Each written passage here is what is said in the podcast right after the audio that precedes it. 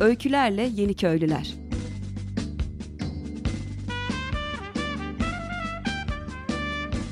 Türkiye'den ve dünyadan kırsala dönüşün öncüleri.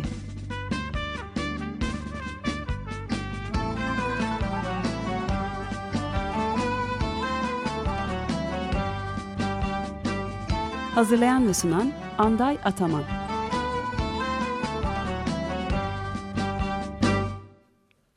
Evet, e, merhaba sevgili Açık Radyo dinleyicileri. E, bu e, güneşli cuma gününde stüdyoda e, canlı yayında e, Gökova'dan, Muğla Gökova'dan gelen konuklarımızla beraberiz. E, Sayın Ümit Elgin ve Sayın Neslihan Aybayrak, Albayrak hoş geldiniz. Öncelikle. Hoş bulduk. Selamlar, merhaba. hoş bulduk. evet, bugün e, her zaman olduğu gibi aslında öncelikle konuklarımızdan kendilerini kısaca tanıtmalarını e, isteyerek e, başlıyoruz. Evet sevgili Neslihan e, nasıl tanıtırsın bize kendini? ee, İstanbul'daki yaşamımda reel olarak baktığında müze uzmanıyım. Daha doğrusu müze uzmanıydım diyebilirim. Ee, kendi işimi de yaptım. Başka bir sürü sektörde de çalıştım. Ama şimdi Gökova'da çiftçiyim diyebiliriz. Ha, güzel. evet peki ee, sevgili Ümit sen nasıl tanıtırsın?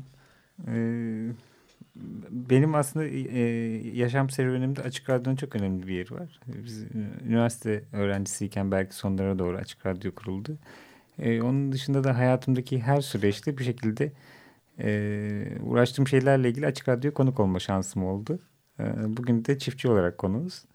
E, mimarlık e, yapıyordum İstanbul'dayken. E, bir dönem Kız Kulesi ile ilgilendiğimi uğraştım. Halen uğraşıyorum ama onunla ilgili bir programa konuk olmuştum. Daha sonra Kevser Üstünden e, sokak bizim etkinlikleri çerçevesinde çocuklara sokak resimleri yaptırıyorduk. Onunla ilgili yine bir programa konuk olmuştum. Şimdi burada olmak, böyle bir programda konuk olmak e, benim için çok keyifli ve heyecan verici. Çok güzel. O zaman yeri gelmişken o, e, senin e, şeyle Kız Kulesi ile ilişkini istersen bir e, konuşmadan geçmeyelim. O tabii uzun bir hikaye ama e, kentte e, var olan aslında bir ada idi o dönem benim için. Belki bir kaçış mekanı, belki bir varış mekanıydı. E, bir şekilde orada yaşamaya başladım. Orada yaşamaya başlayınca da orayı keşfetme, anlama sürecinde e, onunla ilgili bir belge arama sürecine girdim. O belli bir süre sonra kontrolden çıktı ve bütün hayatımı kapladı.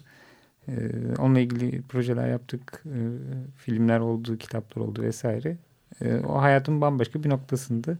Hatta Gökova'daki bu kurguladığımız hayata başlamadan evvel de orayla ilgili bir müze e, projemiz vardı. Elimizde de ciddi bir arşiv var. Ee, belki Gökova'da o, burada yapamadığımız şey orada yapma ihtimalimiz var. Yani Gökova'da bir kız kulesi olma ihtimali var. Tamam, çok güzel. Güzel, güzel haberler bunlar. Peki e, sevgili Neslihan, şeyde kentteki hayatında e, tam olarak e, neydi ilişkilerin? Yani nasıl değerlendirirsin o dönemi? E, kır, kırsala taşınma kararından önceki dönem. Hani aslında biz çok büyük bir karar vermedik. Yani oturup çok uzun uzun üstüne düşünmedik. Yani çoğu kişinin sorduğu soru da bu bize. Daha doğrusu herkesin sorduğu nasıl karar verdiniz, nasıl cesaret ettiniz diye. Evet bizim burada bir yaşamımız vardı. Yani buradaki çoğu insan gibi bir sürü şeyden şikayet ediyorduk. Her zaman trafikten, kargaşadan, işte mutsuz insanlardan, işte İstanbul'un geldiği hal gibi yani hepimizin aklından geçip devamlı dile getirdiği şeyler. E sonra bir baktık biz böyle Gökova'ya gidiş gelişlerimizde özellikle kendi adıma söyleyeyim, Ümit de söyler zaten. Yani benim tabiatım değişiyor. Başka bir insan oluyorum. Yani aynaya baktığımda hani daha mutlu bir yüz görüyorum en azından. Ya da burada işte bir şey yapmaya üşenirken işte Ümit benim için hep o örneği verir işte yağmurlu havada burada dışarı bile çıkmaz hani ayakkabısını bile ıslatmaz falan diye. E orada yağmurlu havada bisikletimi atlayıp işte gidiyorum köyde peynirimi alıp geri dönüyorum falan. Hani e, baktım bunlar bana çok şey katıyor. E, enerji anlamında da yani daha keyifli ve daha huzurlu bir insan oluyorum. E, sonra bir gel zaman git zaman bir gittiğimizde biz niye geri dönüyoruz ki dedik yani. Aynen, Bizim aynen. vazgeçemediğimiz şey ne yani öyle bir, yani, bir şey yok. Biz biz gitmedik aslında geri dönmedik evet. gibi bir durum oldu. çok güzel. Aynen yani oturup üstüne böyle çok uzun dönemler planlar yapıp projeler geliştirmedik. Hı hı. Gittik ve kaldık. His üstünden yani oradaki hissin daha iyi olması üstünden. Peki neydi acaba hani burada işte İstanbul büyük şehirde olup da e, orada sizi daha rahat hissettiren hani onlar üstüne düşündüğünüzde ne diyorsunuz? Ne farklı orada aslında? Yani, yani benim için tabii Neslihan'ın ıı, duruşu çok çok önemli. Hani hayatıma değer verdiğim bir insan ve onun burada atıyorum o sıkışık trafikte bir yere gitmesi ter kokusu, pislik şey işte hani kıyafetler böyle başka bir ritim içindeyken orada iki kıyafetle koca yazı geçirip atıyorum sağanak yağmurda bahsettiği gibi hani gidip 3 kilometre öteden bisikletiyle sağanak yağmurda süt alıp gelip ondan sonra da gayet mutlu gözükmesi benim için en önemli kriterlerden biriydi. Zaten burada da bir şekilde bahçeli bir ev, evde büyüdüğüm için hani çok doğaya uzak olmadım en azından e, düşünüyordum. Bizim daha önce yaptığımız dolunay gezinleri, doğa yürüyüşleri vesaire onlar da e, doğaya yakın olduğumuzu düşünüyorduk. Tabii doğayla iç içe olunca şeyler, ritimler daha da değişti. Yani yeni keşifler olmaya başladı. Doğayı yeni baştan anlamaya başladık. Doğanın zamanını anlamaya başladık. Biraz hani e, köylü kafasıyla artık düşünmeye başladık diyebilirim. Yani şehirli kafasıyla düşündüğümüz bazı şeyler vardı. Atıyorum e, bir kitap aldık anında hava tahmini diye. Bu hareketlerine bakarak anında hava tahmini yapabileceğiniz bir şey vardı. E, bu tür şeyler. Biz tarlada yaşamaya başladığımız zaman oradaki doğal ortamda e, o kitabı açmadan zaten artık hani 2-3 ay sonra hava tahmini yapabilir hale gelmiştik. Doğayla bağın tekrar kurulması gözlemleri. Ee, doğayla bağımız olduğunu sanıyorduk ama yokmuş. Yokmuş. Onu, onu keşfettik. Yani, yani bizim için yağmurun, güneşin ya da artık hayvanların anlamı değişti. Hani biz Ümit'in dediği gibi Hı. burada da doğadan çok uzak insanlar değildik. Ama buradaki doğa yakınlığıyla orasının hiç alakası yokmuş. Yaşıyor olmanın yani çok başka bir şey. Çevreci değildik ama hani doğayı tanıdığımız zannediyorum. çok güzel. Peki gıda anlamında e, hani gıdaya ulaşım veya gıdanın gıda güvenliği ile ilgili farkındalık anlamında İstanbul'daki hayatınızla orada yaşadığınızı nasıl tanımlarsınız? Onu düşündünüz yani, mü onunla ilgili? Gıda ile ilgili aslında en büyük değişim şu oldu. Şimdi İstanbul'da ulaşabildiğin çok mekan var. Yani dışarı çıktığında yemek yediğin mekanlara ya da işte her gün önünden geçtiğin marketteki yaptığın alışverişleri hani ihtiyacın olmayan pek çok şey alıyorsun. Hatta yani aldıkların çoğu ihtiyacın olmayan şeyler. E, orada öyle bir yaşamın kalmamaya başlıyor. Evet paketli gıda çok çok daha az alıyorsun. Hani biz henüz daha o geçişi çok tamamlamış değiliz. Hani hayatımızda hala paketli bazı gıdalar giriyor evimize. Ama bu atıyorum e, yüzde yetmiş azaldı. Hı, çok ciddi oran tabii. E, yani, ya da işte aldığımız bütün abur cuburlar kesildi. Artık öyle bir, bir şey yok hayatımızda. Yani farkındalık anlamında süreç aslında iyi değil, olumsuz bir yöne gitti.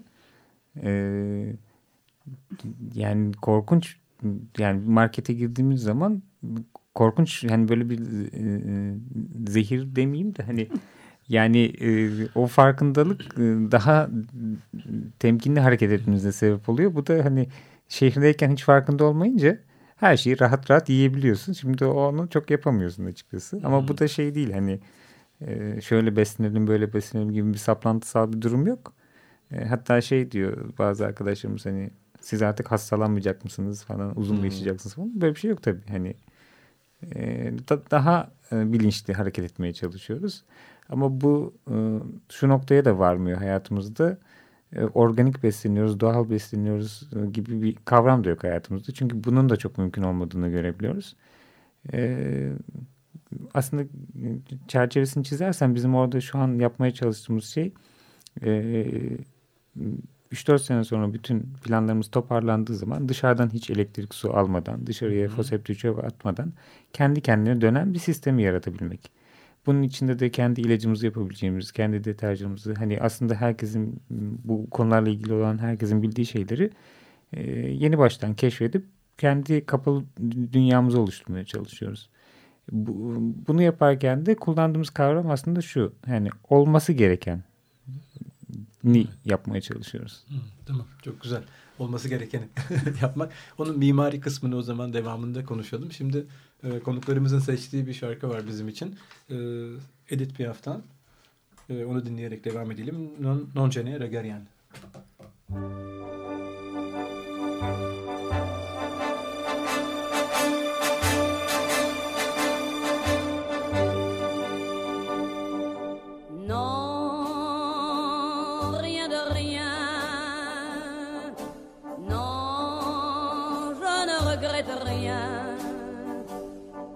le bien qu'on m'a fait, ni le mal, tout ça m'est bien égal. Non, rien de rien. Non, je ne regrette rien. C'est payé,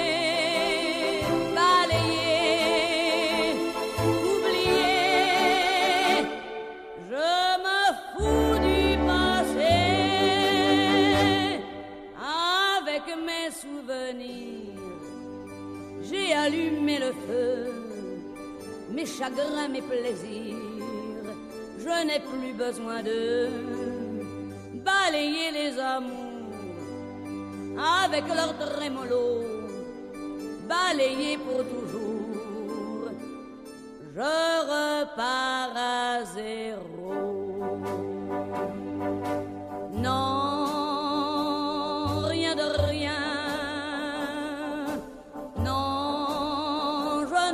Regrette rien, ni le bien qu'on m'a fait, ni le mal, tout ça m'est bien égal. Non, rien de rien. Non, je ne regrette rien, car ma vie,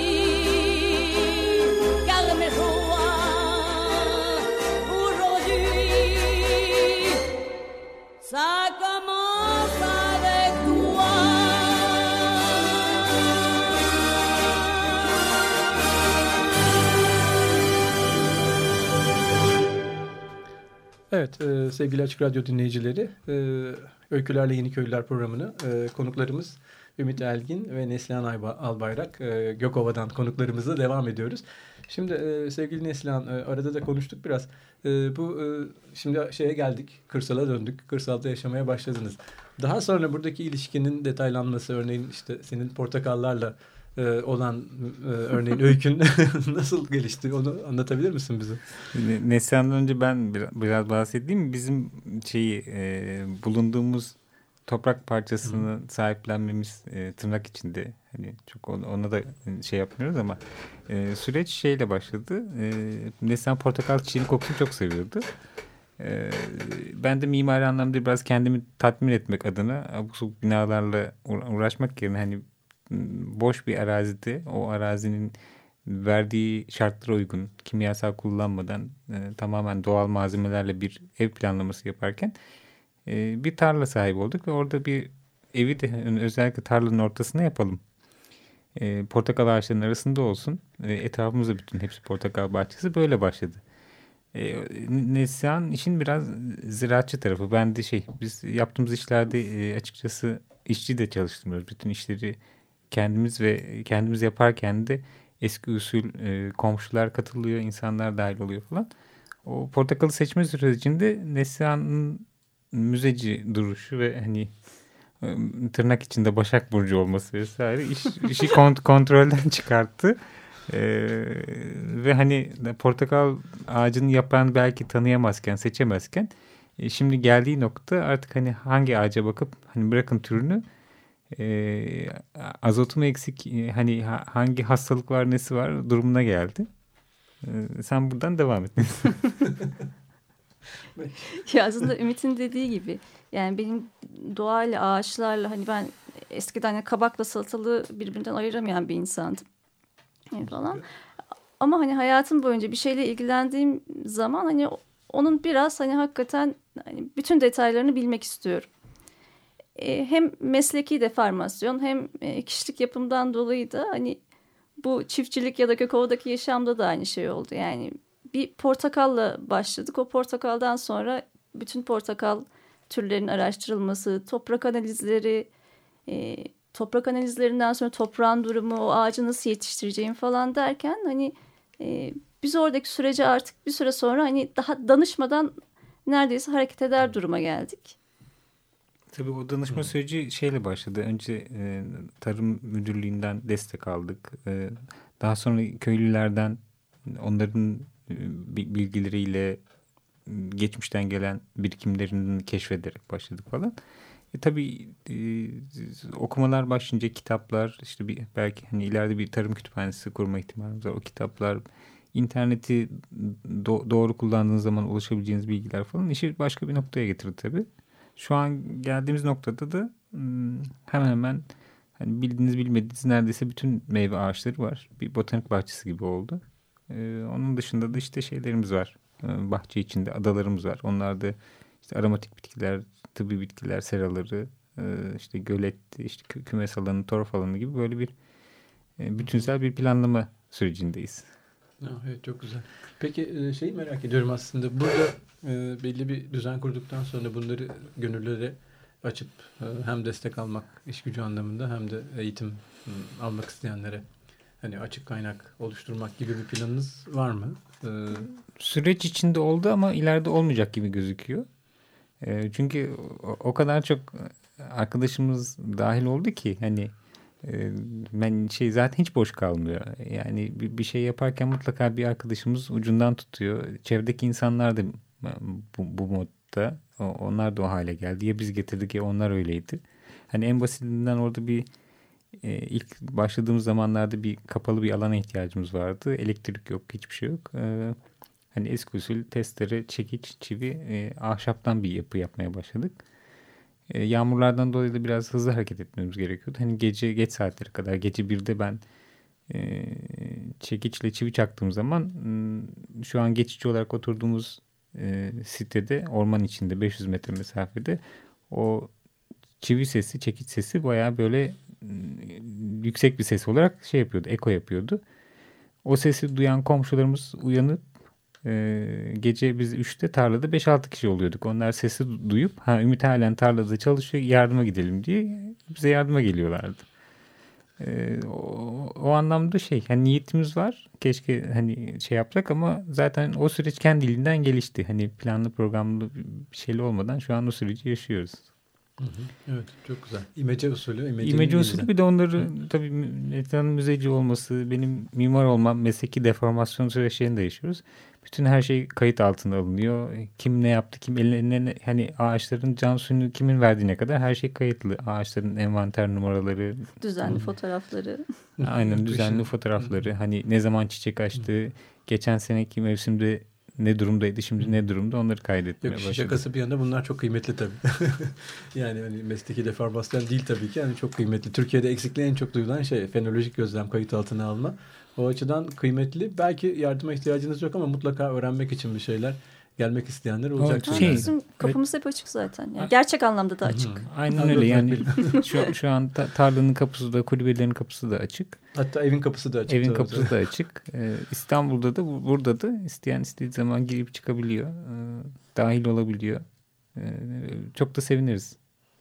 Bu e, komşuyla mesela karşı komşuyla köylü aileyle yaptığınız bir şey vardı benim dikkatimi çeken.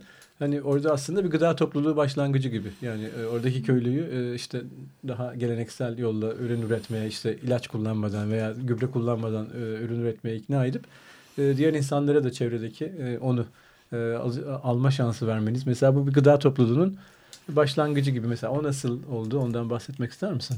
Onlar tabii hani hepsi bilinçli olmuş bir şey değil. Dediğim gibi biz mümkün olduğunca e, işçi çalıştırmıyoruz. Hani bir duruma ya da işte karşı olduğumuzdan değil ama e, oradaki bizim kurguladığımız bir şeydi. Bizim seçimimiz orası çünkü. Bizim kurguladığımız o hayatta başkasının hayat zamanını satın almak istemiyoruz.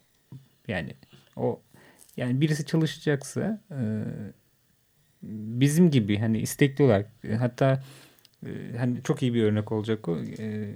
Geçen hafta mimar bir arkadaşımız geldi. Ee, abisi de şey demiş hayırdır hani ne sosyal sorumluluk projesi mi var? Ne var? Ne, nereye gidiyorsun? demiş. Hani neye yardıma gidiyorsun? diye. O da şey demiş tamamen kişisel bir iş için. Çok yani o çok iyi bir örnek oldu bizim için. Ee, karşı komşudaki şey durum şeydi. Yani onlar e, maddi olarak para kazanmak için orada yapabilecek en iyi işlerden biri işte otelde temizlikçi olarak çalışmak ama orada hayvanları var vesaire bütün düzenini alt üst olacak. Biz de şey önerdik ona hani buradan ayrılma. E, çünkü bölgede de satılan bütün ekolojik pazarlarda neredeyse bütün ürünler ilaçlı. Sen dedik ilaç kullanma. Böyle böyle hani çevrede de şey var. Alışveriş yapacak çok insan var. Biraz onların ayağını oraya alıştırdık. Onlara öyle bir e, şehirli kafasıyla kurgusal bir analiz yaptık. Mutfağını derledik, toparladık. Tabela yaptık falan. Hani çok rahatsız etmeden insanları. Birdenbire öyle bir durum oluştu. İnsanlar artık gelip orada kendi domatesini, salatalını toplayıp, e, tartıp e, parasını bırakıp gider bir hale geldiler. Tabii biz bizim hayatımızda da o süreç başladı. Hani e, daha az para harcamaya başladık. E, hatta şey oldu. E, oturduğumuz şu anda oturduğumuz evde tüple ocak ısıtılıyor. Ve iki sene tüp değişmedik. Herhalde dedik biz de burada hani doğalgaz falan mı kullanıyoruz öyle bir şey espri yapmıştım. E, iki sene biz neredeyse doğru düzgün yemek yapmamışız. Hep şey komşular bizi bir şekilde e, besledi. Çok kısa bir örnek daha vereyim. Hani daha doğru anlaşılacak herhalde. Ağaçları dikme sürecimizde şey tabii dedim mi mesleki deformasyon her şey çok planlı ölçüler vesaire. Ağaçları dikmeye başladığımız süreçte köylülerden biri şey dedi. Yani Ümit dedi sen dedi bununla uğraşma. Sen hani e, planlamasını yap. Dikme işini biz yaparız. Yani herkesin yapacağı iş var ona göre hareket edelim diye. O hem çok samimiydi hem de şey hani şehirli kent algısı ile ilgili önemli bir şeydi bizim için. Evet doğru. Uzmanlaşma. Uzmanlaşma. Peki şeyle devam edelim mi? Sonlara yaklaşırken son iki dakikamız. E, araziyi e, ele alış biçiminiz çok hani planlı bir şekilde aldığınızı biliyorum. Ele alış biçimi ve oradaki düşündüğünüz mimari gelişim nasıl şey yani bir araziye sahip olma sürecinde zaten ilk yaptığımız şeydi. Araziyi önce keşfedip e, etrafında biraz vakit geçirip bir ön proje yapıp ondan sonra araziyle ilgili e, satın alma işlemine başlamıştık. Buranın da aslında projesini yapmıştık zaten. Öyle satın aldık. E, şimdi geldiğimiz nokta tabii zaman içinde gelişiyor ama her şey çok planlı milimetrik anlamda planlı ama e, bir o kadar da e, doğal gelişim içinde şey yapıyor. E, uzun vadede bir şeyler yapacağımız için dediğim gibi her şey milimetrik anlamda planlı ama doğanın kendi e, verdiği doneleri çok iyi kullanarak planlanmış bir durum. E, onun duruşuna müdahale etmeden yapmaya e, çalışıyoruz. E, ama hani klasik bazı şeyler var. Hani ağaçların birbirlerine gölge mesafeleri, şey gübreleme, tohumlama durumları vesaire. On, onlar üzerinden hareket eden bir durum var. Bir de dediğim gibi hani bittiğinde kapalı bir sistem olacağı için işte nar seviyoruz. Hani yemek için bir nar var. İşte nar ekşisini seviyoruz. Onun için ayrı bir nar türü var gibi böyle e, ürün çeşitliliği e, durumu var. Onun dışında işte suda yetişecek bitkiler, kurbağa havuzu vesaire ekolojik dengeyi koruyacak bir takım şeyler var. E, mümkün olduğunca e, kimyasal malzeme kullanmamaya çalışıyoruz. Toprağa neredeyse müdahale etmeden yani toprağın üstünde konacak konteyner mantığında modüler sistemler kullanmaya çalışıyoruz.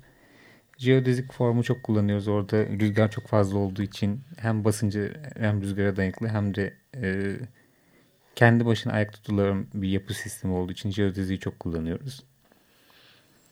Hikaye çok. evet doğru. Bunların her biri zaten ayrı bir programa konu olabilecek Aynen. zenginlikte konular. Peki o zaman sonlara artık yaklaştık. Ben çok kısa bir anonsla e, bitirmek istiyorum. E, şu anda dün başlayan e, Sürdürülebilir Yaşam Film Festivali e, sevgili Pınar Öncel ve Tuna Özçuhadar'ın e, öncülüğünde bir grup tarafından hazırlanıyor. Bu yıl 8.sini e, toplam ilk defa olarak 20 ilde e, ücretsiz tamamı e, gösterimlerle izleyebilirsiniz. İstanbul'daki dinleyiciler için e, Salt Beyoğlu, Şişli Kültür ve Sanat Merkezi ve Caddebostan Kültür Merkezi'nde şu an e, halen e, pazar günü akşam 18'e kadar devam edecek e, yer yer söyleşilerle birlikte. Ayrıca buna ulaşamayanlar için e, kaçıranlar için de Sürdürülebilir Yaşam TV son bir yıldır e, sürekli e, bazı seçkilerle çoğu ücretsiz olmak üzere yine e, kullanılabilir. Evet e, sevgili Neslihan ve sevgili Ümit söylemek istediğiniz son bir şey varsa kısaca. Yok ee, çok teşekkür ederim ama şunu söyleyebilirim son. Yani İstanbul'un da ya da büyük kentlerin de ötesi var. Ve oralarda da yaşanabiliyor. ve başka hayatlarda mümkün. çok güzel. Sevgili Ümit senin. Bu sözün üstüne bir şey söyleyeyim. Çünkü ben bu, bunu ben çok düşünmüştüm zamanında. İnsanlar e, İstanbul varken niye başka yerlerde yaşıyorlar diye. E, şu an Şey o zaman söylediğim sözü geri alıyorum. tamam, çok çok teşekkürler. Teşekkürler. Öykülerle Yeni Köylüler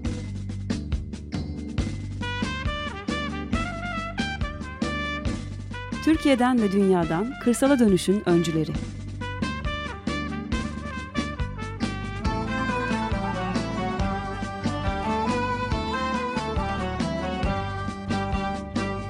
Hazırlayan ve sunan Anday Ataman.